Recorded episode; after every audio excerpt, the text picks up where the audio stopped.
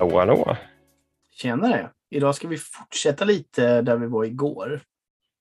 Um, och vad ska vi kalla det här för egentligen? Ett knep för, ett knep för folk med dålig självkänsla kanske? Ja, kanske, ja, precis. Eller folk som har låg svansföring. Liksom. Ja, låg svansföring. Eh, ja. ja, men så här för att, um, okej, okay, nu fick du mig, nu lurar du mig bara i den änden, men människor som liksom har uh, högre svansföring än vad de har täckning för. De är ju sjukt osympatiska. Det var lite sådana vi kanske touchade på igår. Eh, mm. Men det finns ju också det omvända problemet då att folk har orimligt mycket lägre svansföring. Alltså det, det rimliga är att ha aningen lägre än vad man har täckning för så att säga. Eh, det är sympatiskt i alla fall.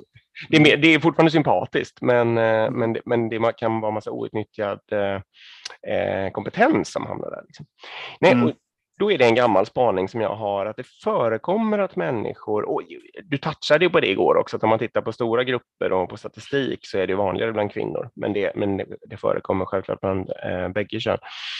Eh, att, mm, att, att, personen liksom har en idealbild av eh, Um, hur bra till exempel en chef då skulle kunna tänkas vara. Mm. Och så känner de att uh, jag uppfyller inte den här idealbilden. Um, jag skulle inte vara så där perfekt som, som jag tycker att en perfekt chef ska vara. Så därför tänker inte jag bli det. Liksom. Mm. Um, för då, pass, då, då, passar inte jag till. Och mitt knep då som jag ska komma till här, det är ju helt enkelt att jag uh, ber dem att sluta jämföra med den där bilden och framförallt så ber jag dem att jämföra med verkliga människor som har fått verkliga chefsjobb runt omkring oss i organisationen i närtid. Då, liksom. så här, tänk på de tre senaste eller fem senaste som du, som du har blivit utnämnda. Skulle du göra ett bättre jobb än dem? Mm. Och då händer det att folk så här, ja, ja. då, ja, då så. Göra, för, för då, liksom, då får jag ju försöka säga då, Nej, för att det, det, här, eh, om inte vi tar dig här nu, eller om inte du pushar för det här, det är inte så himla troligt att det kommer dimpa ner en, en sån här idealchef från himlen liksom och ta Nej. jobbet. Utan det Nej. troliga är ju att det kommer vara någon på ungefär den där nivån som de där tre eller fem andra så att säga. Eh, och då förstår de att, äh, okej, okay, då kanske jag har något här att göra liksom. Mm. Eh, ja, det är väl eh, knepet helt enkelt, att, att på något smart sätt att få människor att jämföra med, eh, med andra verkliga människor och kött och blod i en verklig situation och, och inte med något liksom, ja, en ideal. Extremt bra, extremt bra knep. Och det kan ju också hjälpa till att diversifiera eh, oh. sin möjlighet att mm. kunna rekrytera. För det, annars, alltså lite risken är ju det här, kastar man ut en annons för en chef, då kommer det mest vara män med relativt mm. hög svansföring som mm. söker. Det kan man. I alla fall i de branscherna vi jobbar i. Mm. Um, och om man då inte har den här tankesättet eller den här öppenheten som anställande chef så kan mm. det också vara väldigt... Och sen sitter man och säger att ja, det är omöjligt att få tjejer som söker. Mm.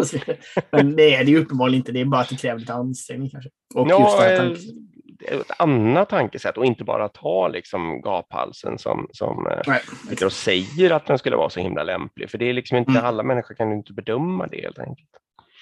Precis, och det här är ju, kan man använda också för imposter syndrome mm. som vi pratade om någon gång innan. Mm. Alltså då att uh, man känner sig väldigt då, Ofta när man byter jobb eller byter jobb, alltså det behöver inte vara att man byter företag, men att man byter jobb. Uh, kanske går till chefsroll eller någonting, att man känner sig ganska dålig eller man känner, duger jag verkligen till det här och mm. herregud vad ansvar och allt sånt där. Det är ofta första sex månaderna och sånt där när du mm. börjar ett nytt jobb. Och alla andra är så duktiga och kan så mycket och jag kan ingenting. Mm. Och så vidare. Då är det också ganska bra att jämföra sig med att ja, men titta på, om du nu är chef, titta på de andra cheferna då. Ja. Eh, eller om du är nyanställd, titta på dem också. 30 andra nyanställda.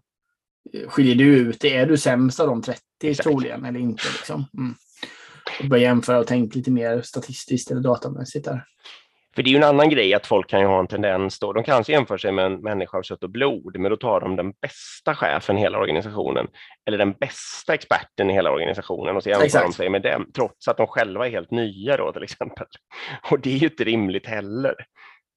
Um, utan då bör man ju jämföra med någon annan ny eller liksom i någon slags liknande situation och då är det mycket, mm. mycket lättare att se hur, eh, hur bra man själv är då, liksom, om man får den hjälpen.